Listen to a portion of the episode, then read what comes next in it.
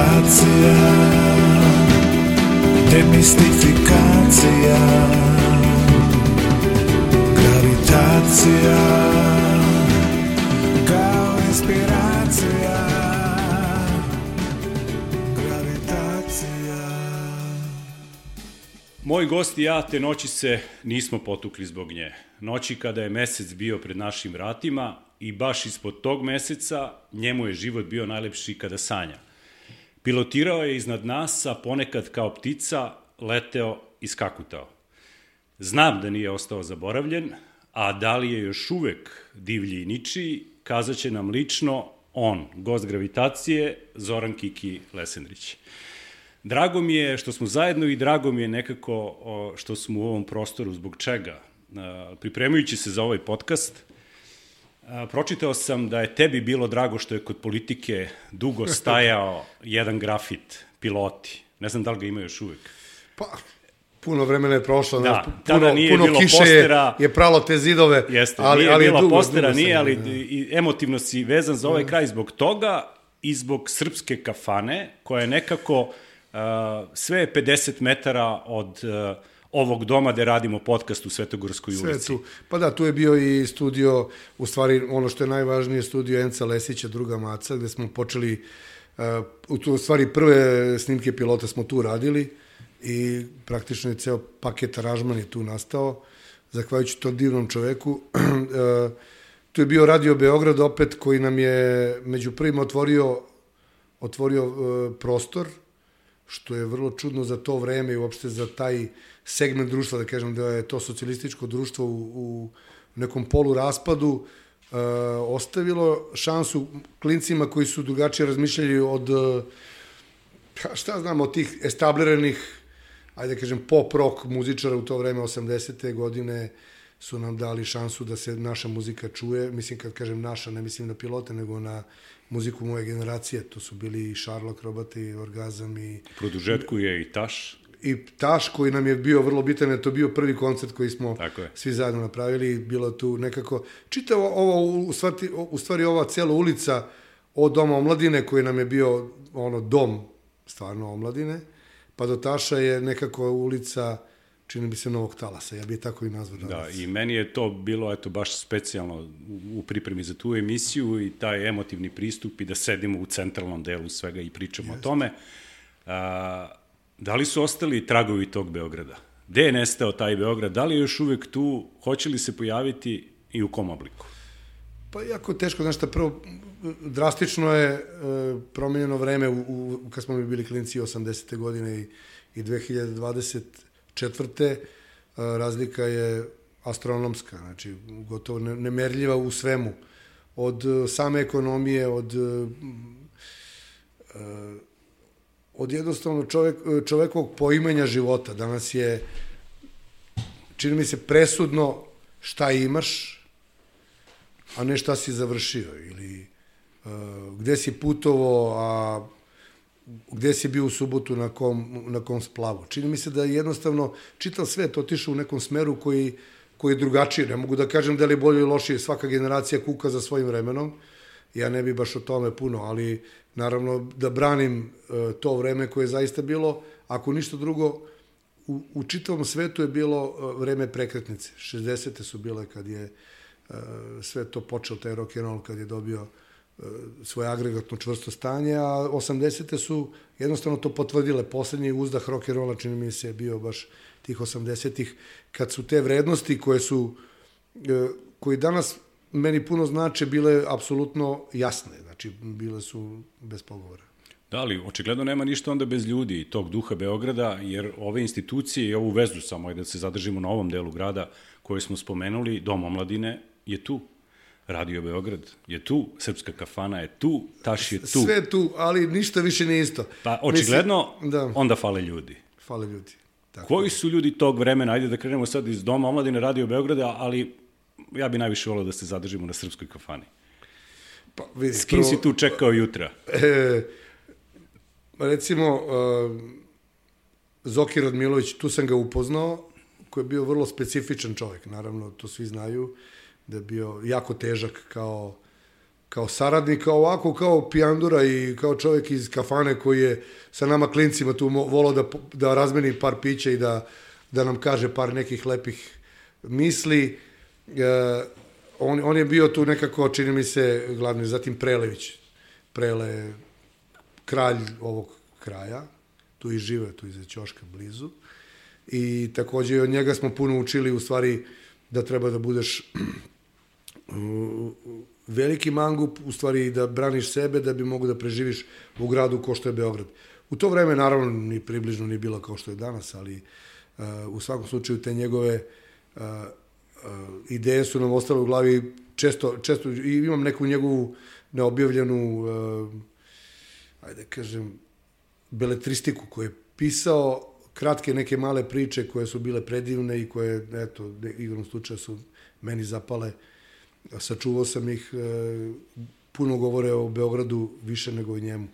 Tu je recimo Enzo Lesić, koga više nema koga sam pominjao, koji je bio e, čovjek, vlasnik studija, ali vlasnik e, velikog srca. Otvorio nam je i dao nam je i nama idolima Šarlu, Orgazmu, Bajagi, Riblje Čorbi, da napravimo sve prve snimke besplatno. Rekao nam je u jednom, sedeću u srpskoj kafani, e, ako klinci, bilo ko od vas bude imao studio, uradite isto ko što sam uradio ja. Ako nađete nekog klinca, dajte mu, dajte mu to za džabe, da ne mora da se, ovaj, da se pati, nego da snimi svoju muziku. Zaista jedan čovjek koji, koji danas u ovom svetu materijalnom teško ga je e, i zamisliti. Jesi svojio nešto od njega? kad je u pitanju odnos prema mlađima? Pa jesam, svakako uvek. Kod mene imaju svi gratis.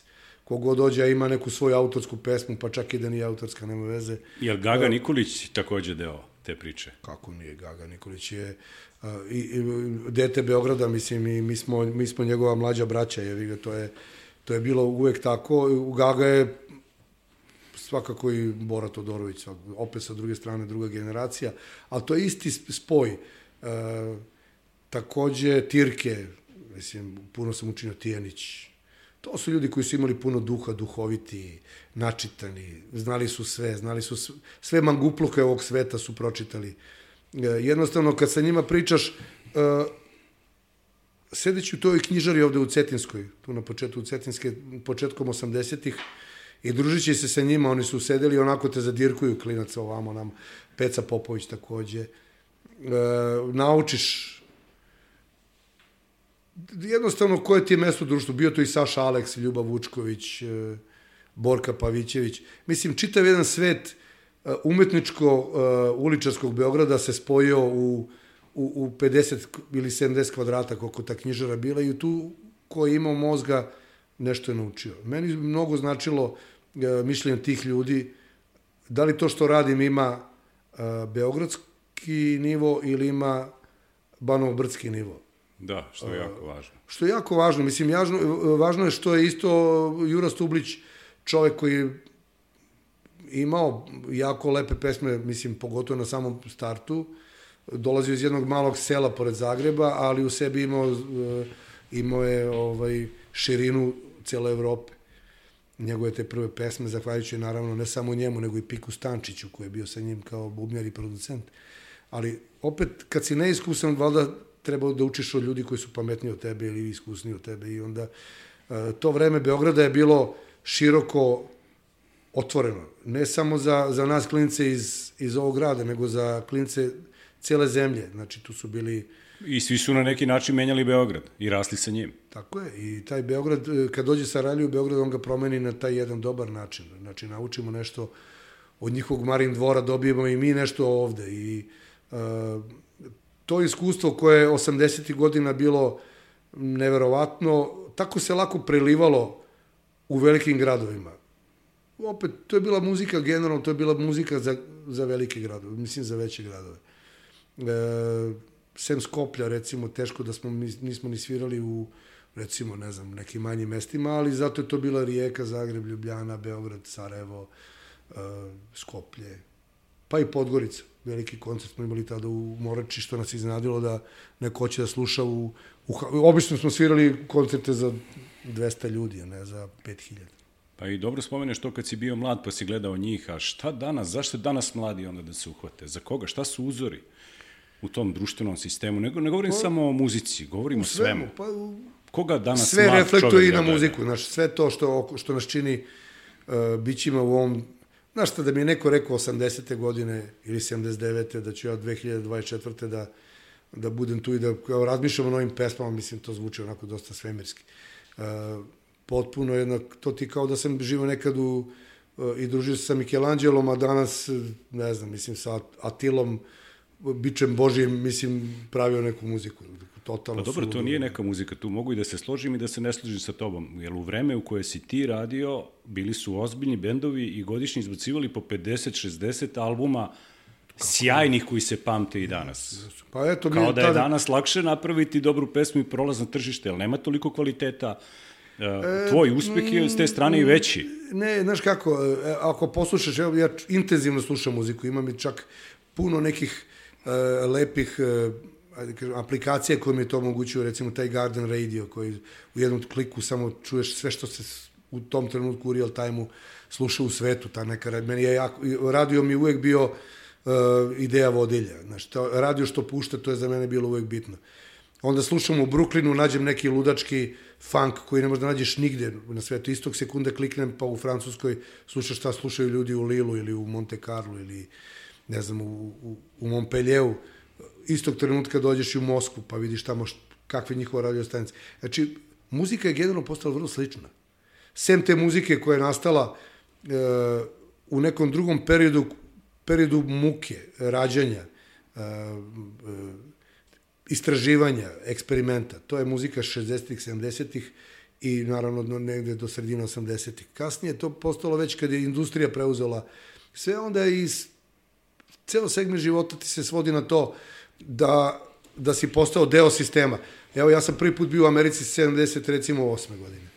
I tada je, gledajući sve neke filmove o, o, o Americi, o njihovoj toj demokratiji, o toj nekoj slobodi u kojoj sam maštao kao klinac, koju nisam mogu da zamislim u, u mom okruženju, e, na neki način sam video, ali ono što mi se dopalo, da, da sam e, u Detroitu video da su ljudi išli kao na letovanja, čitave ulice su se družile, pravile su roštilje zajedno, išli su na neka letovanja, na Nijagarine vodopade, na neke iri ona ost, ova, jezera, jer je to bilo tako vreme, da su, još taj liberalni kapitalizam nije pustio sve svoje korenje. Kasnije smo videli da je najvažnije postala lova, da ti je banka postala Isus, religija, i da su jednostavno ljudi počeli da se otuđuju prvo od, od tih komšija, od grada, od države, od, Da, da. i na kraju od samih sebe. Da, umesto nota, ključe znaš, reči su a onda, postale... onda, da. onda samim tim i muzika dolazi u tu neku obskurnost, da ti je lako, lakše ti je da sediš sam sa kompjuterom i da zamišljaš nešto što se nikad nije desilo i da to nekako vrlo lako spakuješ ako si talentovan, a naravno ima milijarde talentovnih ljudi na ovom svetu. I oni nađu načina da, da sklož, sklope tu melodiju i taj zvuk, da to bude okej, okay, ali nikakvog životnog iskustva ono ne donosi. I to je ono što već godinama traje u ovom svetu, a sada čini mi se više nego ikada se vidi, da nedostatak e, pravog života u tim pesmama čini tu muziku plastičnom, jednostavno jeftinom.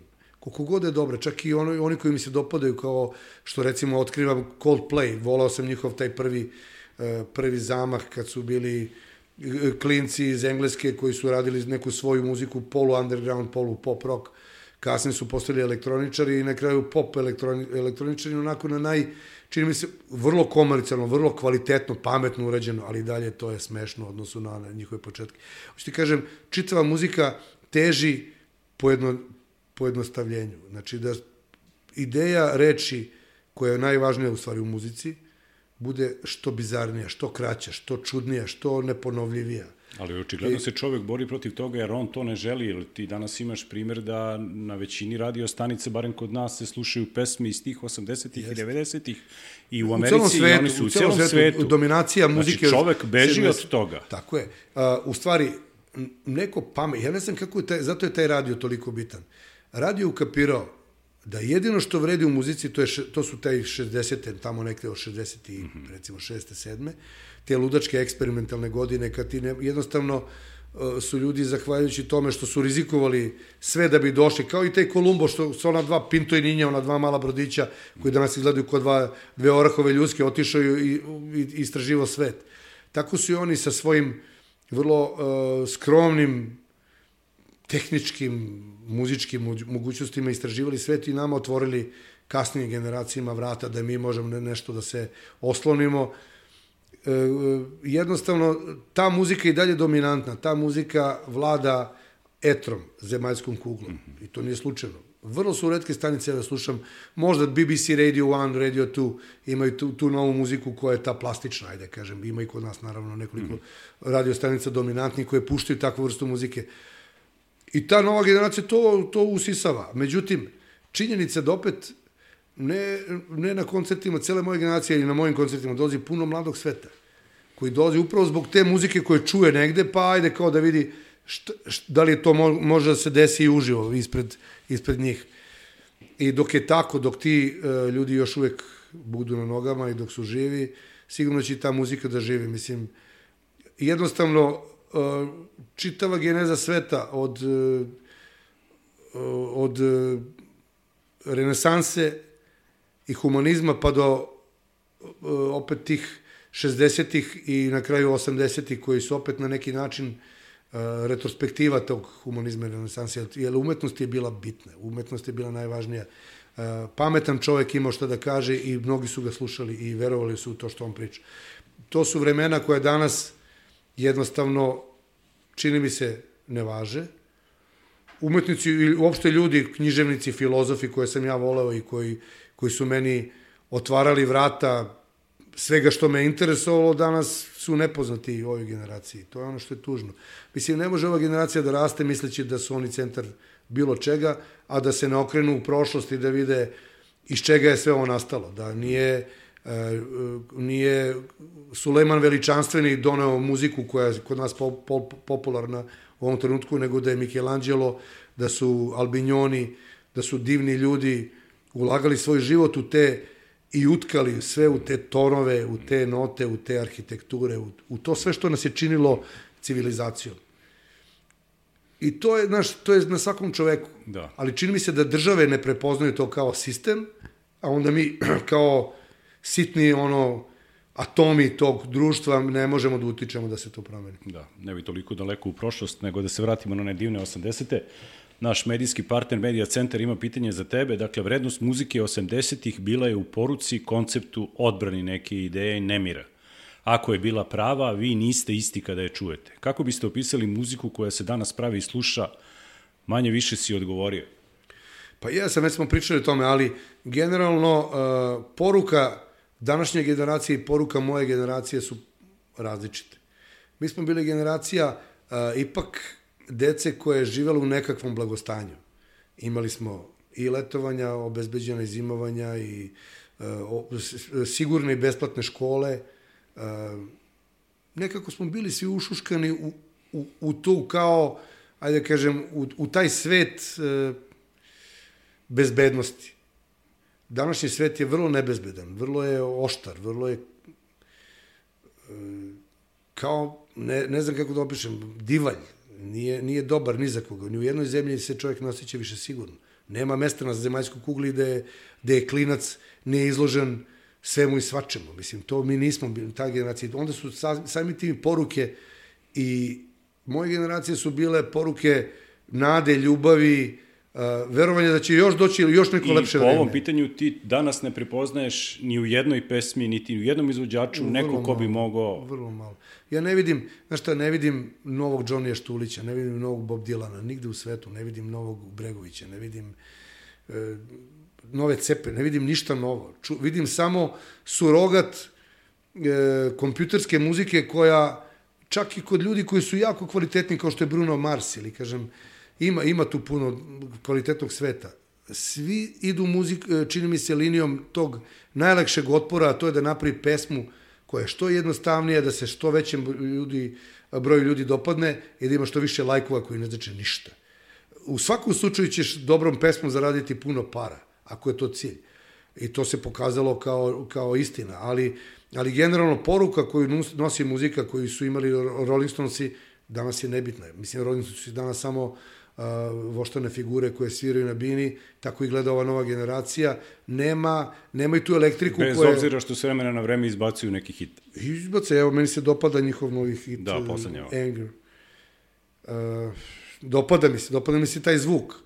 Ali u svakom slučaju čini mi se da generacija ne može da reaguje, jer su pregledi smešni u odnosu na Dua Lipu ili na, ma mislim, na milijardu novih izvođača, koji kako dođu, tako i nestanu. Jer ti, ti milijarde tih pregleda, kao što je bio onaj Gangnam Style, što je bio u tom trenutku 500 milijardi, mislim, pregleda, šta to znači? Da, obrnuo je igrica. Šta je ubio? I Igrica. ništa. I ništa. Puf, ode taj kao stiropor i nestao sutra. Pa, dok ne dođe neki novi. Pa, To je a uvek dođe tako. novi. Pa uvek dođe novi i da. sličan tome.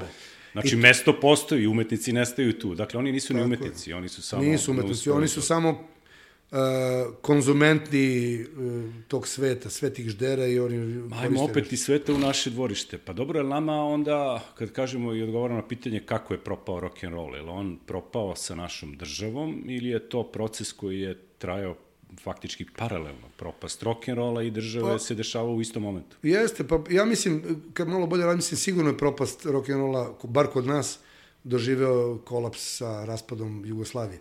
Jer pazi, ipak je Jugoslavija bila ta koja nam je dala slobodu misli. Počinjemo, ajde, malo i opet u rikvert se vratim, 60. godina crni film, Crni talas u, u filmu u, u, tadašnjoj Jugoslaviji, bez obzira na svu kritiku koja je davala društvu, bio je dozvoljen. Sad, naravno, nekoliko e, primera zabranjenih filmova. Muzika takođe bila oslobođena stega. Ja sam pevao Neveru Idole, ne mislim na grupu Idoli, nego na, grup, na Tita. Ja sam pisu, pesmu a, pisao zbog tog establishmenta mm. koji nas je kočio kao generaciju. Međutim, niko se time nije, čak i ako ukapirao, nije nastavljao u, u neki kavez. Imali smo svu moguću umetničku slobodu, čak i u velikim medijima kao što je uh, zvanična ono, televizija, možda ne RTS, ali je bio televizija Sarajevo koja nam je dala Niko kao ja emisiju uh, i koja je bila vrlo bitna za Novi Talas, za propagiranje tog novog zvuka, tog, te misli koje je kasnije rodila i novi primitivizam u Sarajevu i e, svašta što se dešavalo i što je bilo vrlo kvalitetno i neponovljivo do današnjih dana. Znači, ta stara Jugoslavija je dala ljudima, e, u, pojedincu je dala slobodu, da bude drugačiji, da može da iskaze svoje mišljenje što je bilo, mislim, danas to zvuči suprotno. U današnjoj kao nekoj vrsti više patrijske demokratije koja je samo očito e, papir, ne samo kod nas, nego bilo gde, e, ti imaš mogućnost da kažeš šta god hoćeš, da psuješ, da pričaš svakakve gluposti, da ih objaviš, da to ljudi lajkuju, da im se to sviđa, da budeš bizaran po mnogo čemu, ajde iza toga ne stoji apsolutno ništa. Mislim da će to sve da jednostavno nestane kao kad sneg padne, da. recimo, krajem aprila, pa nestane početkom maja. To ti je to. I sa druge strane, ti kad pogledaš te granice te zemlje, ti si tu i kao muzičar imao s kim da se takmičiš i meriš tvoj uspeh i tvoj kvalitet. Tu je jednako kao i futbal. Ozbiljna futbalska liga, Dinamo, Hajduk, Sarajevo, Železnica, Svi. Zvezda, Pa sjeti se, Osijek, evo, Rijeka. Rijeka, pa Dinamo, Vinkovci, imali su Da. Halilovića koji je davao Da. golove, mislim, A to je čovjek, slično kao i u muzici onda. Pa tako je, ti si u svakom mestu imao dobar bend. U svakom mestu i u Čačku. To je negde vreme koje je obeležilo, ti si, ajde da kažemo to vreme, ako se ne varam, svaki bend u Beogradu, svaka ulica u Beogradu imala svoj bend. Tako je. Sada ne možete po Srbiji da nađete... Pa nema ništa, mislim, zavisi. Pa jednostavno zato što su vrlo brzo klinci odustanu, zato što nemaju povratni efekat. Ili, se, ra- ili radiš muziku za separe koja donosi odlazak u klubove i sviraš celu noć tamo negde za neku lovu, što ti naravno pametnom čoveku ne predstavlja zadovoljstvo obzirom da ne može da te zadovolji novac. Ta publika koja to sluša je drugačija publika od one koje ti zamišljaš. Ja još uvek imam sreću da dođem na Beer Fest, da mi dođe 200.000 ljudi i da nedeljom u Beer Festu, kako smo uvek volili da zatvaramo, eh, da sviramo ono što nam se sviđa, da, da 200.000 mladih željnih ljudi čuje tu muziku i da tako odemo kući. Ja posle toga živim godinu dana. Mislim, živim duhovno toga godinu dana, zato što vidim, a imamo milijardu dokaza i snimaka je fenomenalnih koji to potvrđuju, da ljudi dođu i tu se jednostavno, kao da su otišli u Jerusalim na, na neko hodočašće. Tih sedam dana, nekada Beer Festa, to više nije tako, ali u jednom trenutku je to bilo mesto gde su klinci, nova generacija dolazila da čuje uglavnom muziku koja ne pripada njima, koja je iz nekog drugog vremena i koja se odvija ispred njihovih ušiju i očiju i dobiju, dobiju to što traže. Svi bendovi, da su to Ortodoks Kelci, da je to Vlatko Stefanovski, kogod, Atomsko sklonište, Van Gogh, mi, mislim, bilo tu puno bendova koji mogu da, da zadrže da. pažnju na, na, na preko 100.000 ljudi. Radili smo i mi nešto zajedno sa njima ovaj, i što je opet za divno čudo, jedva su čekali da dođe sledeće godine. Tako je. I opet dođe sledeće godine sa sličnim nekim izvođačima, sa sličnim, i uvek je dobro. Uvek ljudi dođu i za male pare se fenomenalno provedu. U stvari, idu, dobiju nešto što je jako dragoceno i oni su osmatrili da, to, da se to podrazumeva. Međutim, sad nam, se, sad nam je jasno da se to ne podrazumeva, da taj događaj bio događaj jedinstvenog poslednjeg trenutka kad je rock and roll još uvek imao uporište u, u gradu, kasnije su ga se trudili da ga zatru, da to više ne bude tako, da to bude neko opšte mesto, ok, kako god, svako vreme vuče svoje i to je to, mislim, e, neću da kukam ni da žalim, nemam za čim da žalim, pošto mi je život ispunjen uh, bukvalno ko Petar Pan, ako kao da sam imao malu onu pap ide oko mene i sve neke moje te skromne želje donosi na, na, na javnost. Pa dobro, nisu baš i skromne imajući u vidu da si ti jednom prilikom rekao ispunjena su dva tvoja sna, da, da upoznaš Miku Antića i da ti Balašević napiše pesmu. Jeste. E, Mika Antić, jednom, pa počeo sam čitaći, čitajući njegove, njegove rock and roll stihove, kažem, mesec, uh, oblak u pantalonama i gara visoka. Mislim, predivan čovek. Ima, imali smo prilike da ga, piloti da ga upoznaju u nekom, početkom 80-ih u nekoj emisiji u Novom Sadu. I odmah izviru te, znaš, odmah ti čovjek kaže 7-8 ideja, da ti par saveta koji su, znaš, od čoveka koji je mnogo stariji od tebe, to je zlato. Uh, Đole Balašević, od 80-ih kad smo počeli se družimo pa do, do naših tih zadnjih dana, je, celog života smo imali ideju da nešto kao zajedno snimimo. Uh, I eto, desilo se u nekom trenutku da se to i desilo, da se ostvarilo. Uh, eto, žao mi je što, što nismo nastavili dalje, obzirom da nismo mogli da utičemo na to da on jednostavno nije mogao da pobedi. Što je, kao i mnogi muzičari, mislim, u tom trenutku toliko je ljudi iz sveta filma i muzike umrlo, da je to za mene bilo zabrinjavajuće. Kao da taj virus napada samo talentovane ljude, mislim, neverovatno. Uh, da ih sistemo Dragoljuba Đuričića, Neša Japanca, da. Đoleta Balaševića, uh, kako se zove, Miše iz, iz Riblje čorbe. Jako puno sveta je otišlo bespovratno. Ne znam, mislim... Brzo i u jednom momentu. Brzo, da. kao... Mislim, naravno, puno, puno drugih ljudi je izgubilo živote zahvaljujući to jednoj pandemiji koju, za koju i dan danas ne možemo da, da definišemo kako, ali čini mi se da posle toga ceo svet apsolutno više ne bi isti kao pre par godina pre te uh, pandemije. To se sad već vidi. To, to se vidi, da, da je sve... Tragovi onoga što se dešavalo pre tri tako godine. Je, političko, su... ekonomski... Vojno. Vojno i filozofski svet je potpuno drugačiji. Da. Kao i posle tog 11. septembra kad je srušena, srušena njihov ovaj, simbol te njihove demokratije. Kako god, uh, opet svet je išao u jednom smeru, a onda sad je otišao potpuno na drugu stranu i kažem ti, ne mogu da kažem, ne sviđa mi se, svakako mi se ne sviđa, ko što je verovatno svakom čoveku koji žive svojih deset prstiju mu se ne sviđa šta se dešava oko njega, ali na koji način ja mogu da utičem. Dobro, vrlo... neko se prvi put suočava, mi smo to već prošli, naša država se vrlo bolno raspala i sad se ja opet vraćam na taj raspad te države, kraj rock'n'rolla, To su bile neke godine kada si ti faktički odlučio i da negde, uh, pored Beograda, imaš i neke svoje druge gradove za život ili druge zemlje, kao što je Italija i kao što je Grčka.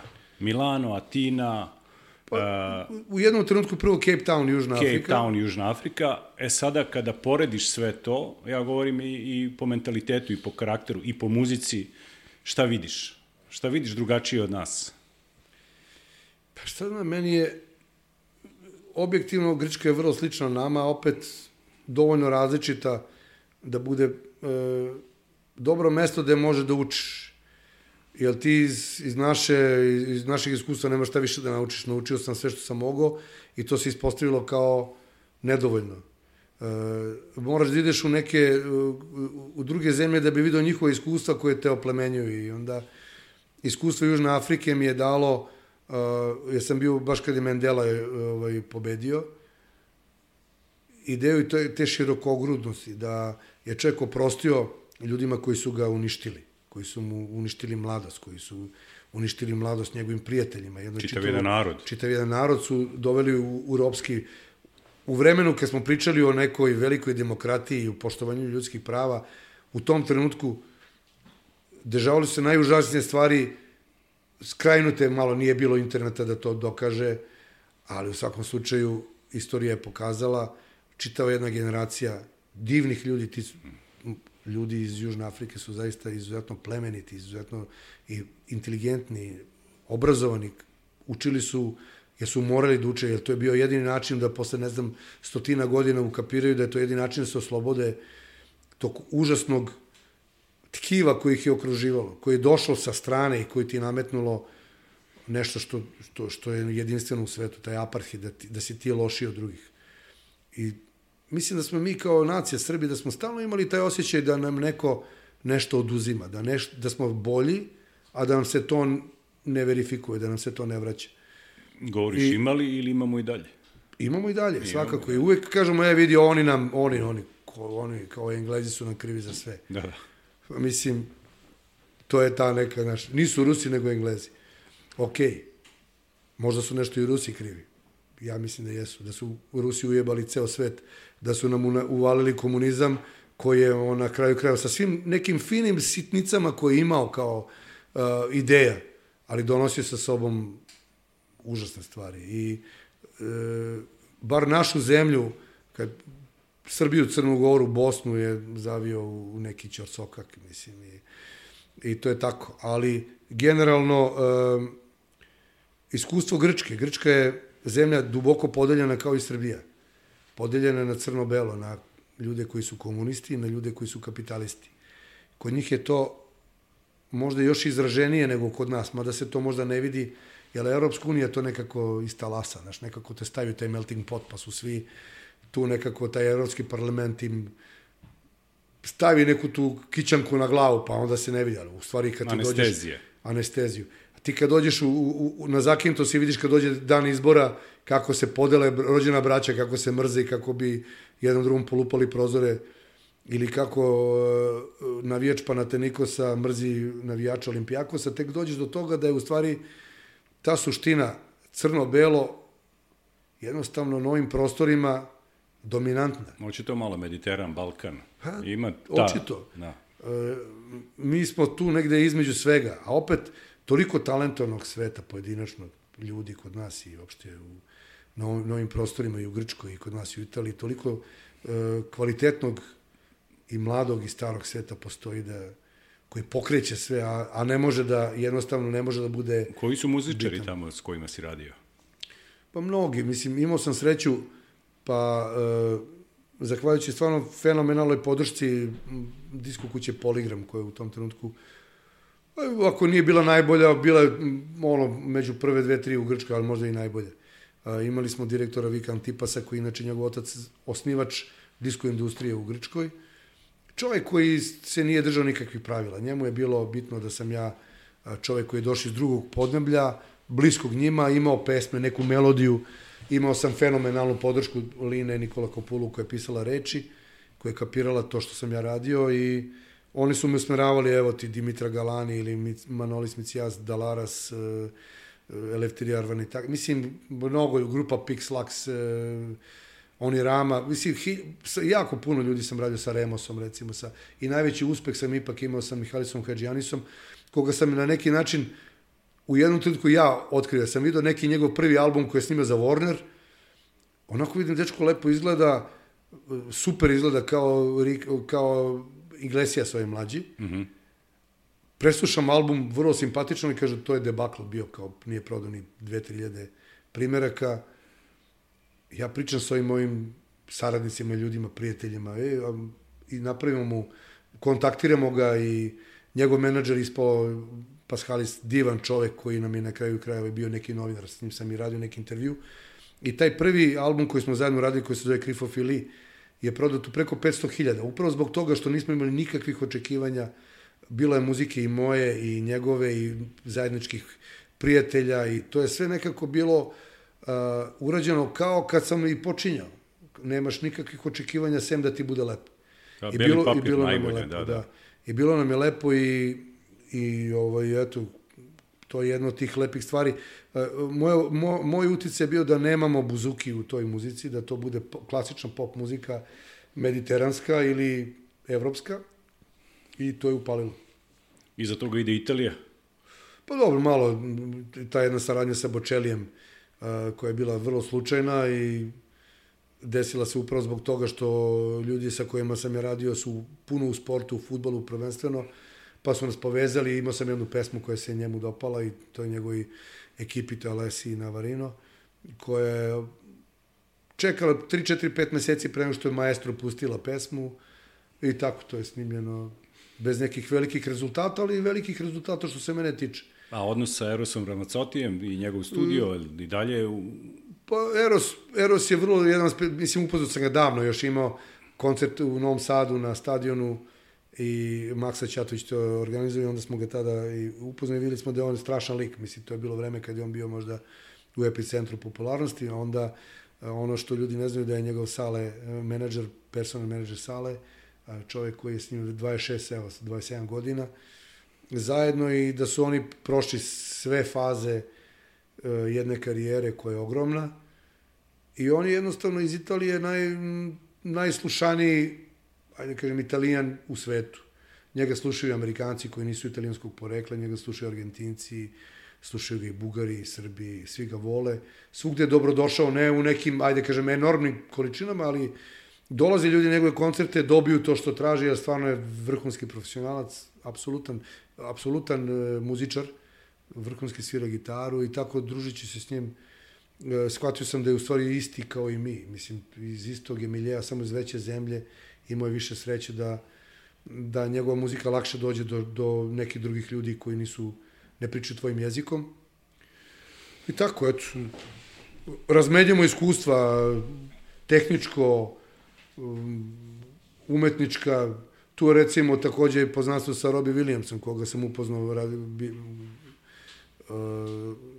prvenstveno zašto imamo istog prijatelja, njegov prijatelj Scott Mills koji je DJ na BBC-u Radio 1, uh, njegov najbolji drug, uh, onda eto tako smo se, on je tu komšija iz Akintos i onda nas je puno toga povezalo, u stvari tu, vidiš da to je u stvari isti svet. Samo su nam različiti koreni i različiti su nam nekako ono lebdenja. Svako ima svoje, on ima šire, šire polje denja, milion puta šire, a mi smo tu suženi na ovo naše. Dobro, nekom da- brže pradne kla- klapna, nekom Ma sporije. Da, ali, ali u svakom slučaju svodi se na to da ti nešto valja ili ne valja. Tako. Pri čemu uh, oni imaju industriju za nas, mi nikad nismo imali industriju kod nas, nego je uvijek industrija bila onako šepala, uvijek uz male neke e, pomake, uvijek je kod nas bio problem kako da ti lansiraš da to bude zaista urađeno onako do, do krajnjih granica. Sve malo nešto jugoto na što je to radio 80-ih. U produkciji misliš samo. U produkciji, da, da, da. i onom što prati samog izvođača. Evo, Robbie Williams i kao i Eros Ramazzotti ništa ne bi uradili. Mislim, bili bi isto koji mi što smo ovde, da su rođeni na ovim prostorima. Ogromna mašinerija koja je stala, u, u, ogroman novac koji se tu okreće i koji povlači taj novac nazad i velike zarade je uticao na to da se razvijaju u smeru koji je bio za nas nepojmljiv. I sad smo proputovali tu kartu, tu si bio ne kao turista, nego kao domaćin i odlučio si da se vratiš u Beograd i tu staviš svoje sidro, studio Erosa Ramacotija, ti nije toliko prihvatljiv kao tvoj studio na Adi. E, šta je to što te vratilo nazad? Mnogi se nikad ne vrate. Pa mnogi, mnogi, ti koji se ne vrate stalno kukaju da bi se vratili. To sam imao prilike svirajući po... Da li Johnny. Štulić kuka? E, Johnny ne. Johnny je jedan od redkih koji je zadovoljan tu gde jeste. On je otišao lepo u Holandiju. To Tu nešto je kod našao- Utrehte, je li tako? Tako da. je. I on je našao sebe tamo i očito da mu ovaj naša papazjanija nikako ne prija. Od početka pa do kraja. I on je jednostavno potpuno legitiman za taj svoj stav. E, Naravno, izgubio je mnogo. Po meni bespotrebno. Jer puno, puno sveta bi ga slušalo i puno sveta bi dolazilo na njegove koncerte i mislim da bi mu njemu bilo mnogo lakše, lakše u životu da se razvija u ovom novom vremenu na neki njegov način. Ovako je ostao začauren u, u nekoj svojoj kapsuli i tamo živi kako živi. Uh, slušamo mi njegove pesme, on nema pojma o tome. Uh, nema nikakve vajde od toga što mi volimo njegovu muziku. Eto, takav je, on je, ali Johnny je uvijek bio takav. Ne, sad ćemo nije- da vidimo kakav si ti, šta je onda tebe opredelilo da ti ne budeš Johnny?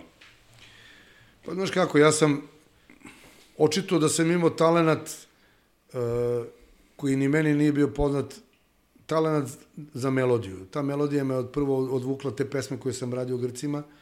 Očito su bile drugačije od onih pes, pesama koje sam radio za, za, za pilote. Uh, u jednom trenutku, samo tamo negde 87. sam pisao pesme za druge ljude, to je bila za Marinu Perazić, za Viktoriju, za nešto za Dejana Cukića, Čolu i tako. Uh, video sam da mogu da napravim pesmu koja nije moja i da, nema, da niko ni ne prepoznaje da je moja, a da bude jednostavno uspešna. Stvarno su bili veliki hitovi. U Grčkoj mi se to i desilo, da imam, radeći sa tim ljudima koji su diametralno suprotni od one muzike koju sam ja radio, da je to ili neka, u najboljem, najblažem slučaju mediteranska pop muzika, pa do malo, mislim, eksperimentalnih narodnjaka i tako. Mislim, radio sam sa dobrom ekipom u Grčkoj koja, koja je pazila na, na, na, na tu neku estetiku, što je vrlo bitno u, u svemu. Ja sam recimo volao estetiku Tome Zdravkovića. Meni se njegov zvuk jako dopadao. Dopadao mi se uvek zvuk Tozovca, autora tih pesama, znaš. Jednostavno ima nešto što vuče originalno sa sobom. Vidiš da ja mu verujem, verujem jednom i drugom. E, takođe, uvek sam, šta znam, prepoznaš muziku koja je napravljena da bi se zaradila lova na njoj. Imao sam i takvih e, izleta. Gde bi, mu, gde ne, gde bi muzičar nego da pobegne u, muzi, u, u muziku i produkciju? Uh, moja, moje pitanje je bilo, te gradove si izbrisao, te zemlje si izbrisao i za razliku od Johnny-a ti si se vratio ovde i odlučio Pa- da živiš i nastaviš da stvaraš u Srbiji. Pa znaš kako, Đole sin nam se upisao u Grčku u internetsku školu prvi razred i nije mu se to dopalo. Uvek je držao nekako on vezu sa, sa Beogradom, sa tim svojim društvom iz kraja i tako. I onda smo odlučili da se vratimo u, u Beograd, da bi on, eto zbog njega, zbog škole. Meni je bilo super u Grčkoj i dan danas mi je super ko što mi je bilo i onda, jer imam svu slobodu da odem i da se vratim kad god hoću. A opet, s druge strane, e, sigurno ne bi nikad više snimio ništa u Srbiji da sam ostao u Grčkoj. To je bio, mislim, e, jednostavno, e, čini mi se da su te neke sitne male promene i po završetkom rata i svi tih e, dešavanja kod nas uticale da, da meni ipak bude lepše u sobstvenom dvorištu nego tamo.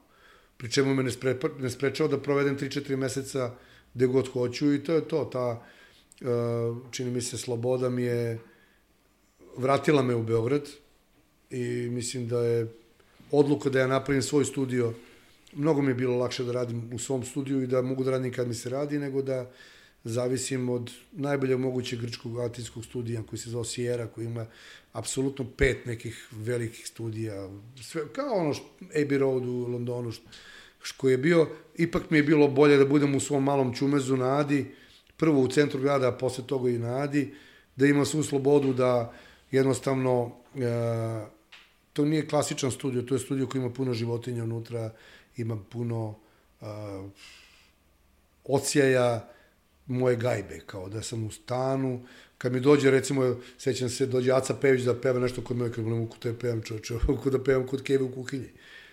Tako se osjeća, on se, on je navikao da to bude ono staklo, znaš, da to sve bude, to kod mene ne postoji, Da, niti ja mi da treba. nosi nešto sa sobom isto. Tako To je, sad ta ležernost koju možda imao Mika Antić, eto ja bi Miku opet vratio u, u sadašnje moje vreme, da, da ne moram da se držim nikakvih pravila, a da mogu da dobijem neki rezultat iz toga. Jednostavno, daju mi neku umetničku slobodu da sam ja u stvari godinama mogu tu da radim 15-20 godina, e, da se bavim nekom muzikom koja izlazi iz mene, a da mogu lako da je snimim i da neke rezultati opet dođu na video i tako. U Grčkoj bi bilo mnogo teže, sigurno. To kod njih je, mislim, to je jedna kapitalistička zemlja koja ipak 90% ljudi sa kojim se ja ovde družim i koji imaju svu slobodu i, i o- ovog dana, 24 časa su tu negde, u Grčkoj ne. Ipak ljudi rade od nekog, od 8 ujutru pa do 5-6 popodne, onda ne mogu svaki dan da, da pijanče, da izlaze, da igraju tenis, da Nije idu lepo, na plažu. nije lepo, nije A ja dođem kod njih pa sve to radim. Nije lepo. Dobro, dakle, u tom malom čumezu svom, kako ga ti zoveš, kada stvaraš, uh, da li ti je lakše da stvaraš i pišeš za sebe ili za druge? Ma ne, uglavnom radim za sebe. Ja sam već godinama prestao da se bavim pisanjem za druge. Povremeno uradim, ajde, neko, radio sam neke pozorišne predstave za, za Grke, filmove i tako. Po neku pesmu sam uradio za... Uglavnom sam radio za Grke, da. To, A kada si radio i za druge i za sebe? Šta je lakše? lakše? Mi za sebe, lakše, lakše. mi za sebe, da, lakše mi je, imam tu... Za druge ipak ima, čini mi se da bi pesma bila nekom potaman, mora mnogo toga da se desi. Prvenstveno te reči, reči, to, reči sve ublažuju, znaš, reči daju tu anesteziju o kojoj smo pričali ranije. One uspavaju publiku. Ako imaš dobre reči na neku muziku, ti jednostavno izbrišeš e, tu distancu između mene i tog koji, koji, ko peva. E sad, da bi našao prave reči, ja sam u principu izbegavao da radim reči za kad radim muziku za nekog drugog. Uglavnom to bila Marina Tucaković. I jednostavno tako sam i radio za, za druge ljude, zahvaljujući Marini. Jer ona mi je rekla, e, daj mi tu tvoju, čula je pesmu Hadžijanisovu ili koju sam radio za Delarasa, pa smo malo pre, preradili i dala je nekome. Pisala je reči kako je osjećala. Ja to nikad ne bi uradio, niti bi pesme bile objavljene, ni, ne bi nikad bile snimljene da nije bilo nje. Ali opet, s druge strane, ranije sam pisao kompletno za Viktoriju, za Marinu Perzić. Tako je to bilo vreme, ne znam. Mislim da i danas, kad bi nekom nešto radio kod nas, da je nužno da ja napišem te reči. Ja tako je vreme došlo, da to bude kompletan, kako da kažem, autorski izlet. A da li te te reči i sve to što radiš i pišeš uh, uh, inspiriše neki događaj ili neka ličnost ili ne mora da znači ili je gotovo svaka tvoja pesma ili posvećena nekome ili deo i rezultat nekog događaja? Pa, sve je to izmešano, znaš, kod mene to ima i mašte i želja i neostvarenih snova i realnih događaja, sve je to kod mene čušpac, papazjanija, pa kako kad. Uh, puno sam pesam napisao i već mi je stvarno teško da, da pišem nove reči, a da ne budem i da se sam ne ono ponavljam. Ponavljaš, da. ponavljam.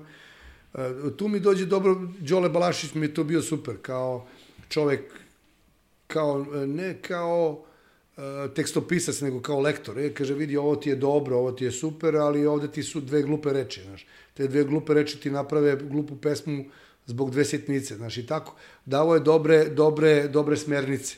Naravno i pisao mi je reči koje su mi bile bitne. Nije samo on, bio tu i Bajaga sa pesmom Kako si lepa. Nije to neka... Nismo imali veliku saradnju, ali smo imali vrlo uspešnu saradnju. Kome je posvećena ta pesma? Pa, ja sam mu dao demo snimak, on je video mene i moju ženu negde kao, kao da gledam u Požešku ulici na Balnom brdu, to je on tako, I tako je koncipirao. nastalo, da. Tako je on napisao, a sad, uh, očito da u jednom trenutku se, mnoge devojke su imali tu pesmu na telefonima, očito da im je bilo lepo da im neko kaže kako si lepa. Da, da. I to je lepo, Bajaga, Bajaga ima tu, on je, on je, on je dete ovoga grada, znaš, on to zna da kaže, a da svima bude prijatno. Znaš, uvek piše, on je divan tekstopisac, znaš, i onda svakako smo, eto, ako nigde druge, tu smo se zakačili zajedno. Pisao si, što bi se reklo, i za one sa druge strane muzike, kako ih zovu. Tu je uh, Seka, Ana Nikolić, Džena Lončarević, Željko Samarđić. Uh, ima li tu neke razlike? Pa i Ceca, pa da, bili su svi. Pa kažem ti, samo zahvaljujući Marini. Marina E, ima tu neke razlike. Imaju i oni... Uh, e, vidi, oni su, to je jedan drugi svet, to je svet apsolutnog profesionalizma. To je kao da si došao u Ameriku i radiš sa, sa Taylor Swift, radeći sa, u tom trenutku sa Anom Nikolić ili sa Cecom, Cecom ne, nju sam drugačije koncipirao, ali ovi svi ostali ljudi ili, ne znam, e, traže pesmu, to ima, vuče sa sobom e, svašta, ali u svakom slučaju meni je bilo zanimljivo da li ja mogu da napravim pesmu za njih, a da to bude komercijalni uspeh. Da napravim hit kao što sam imao hit sa Kolačićima ili Barakudom sa Viktorijom, Viktorijom koji su meni bile lične pesme. Mislim, to su pesme koje su nastale e, za njih iz, iz lične pop... Da li mogu da napravim uh, industrijsku pesmu, a ona, a ona da bude iskreni hit?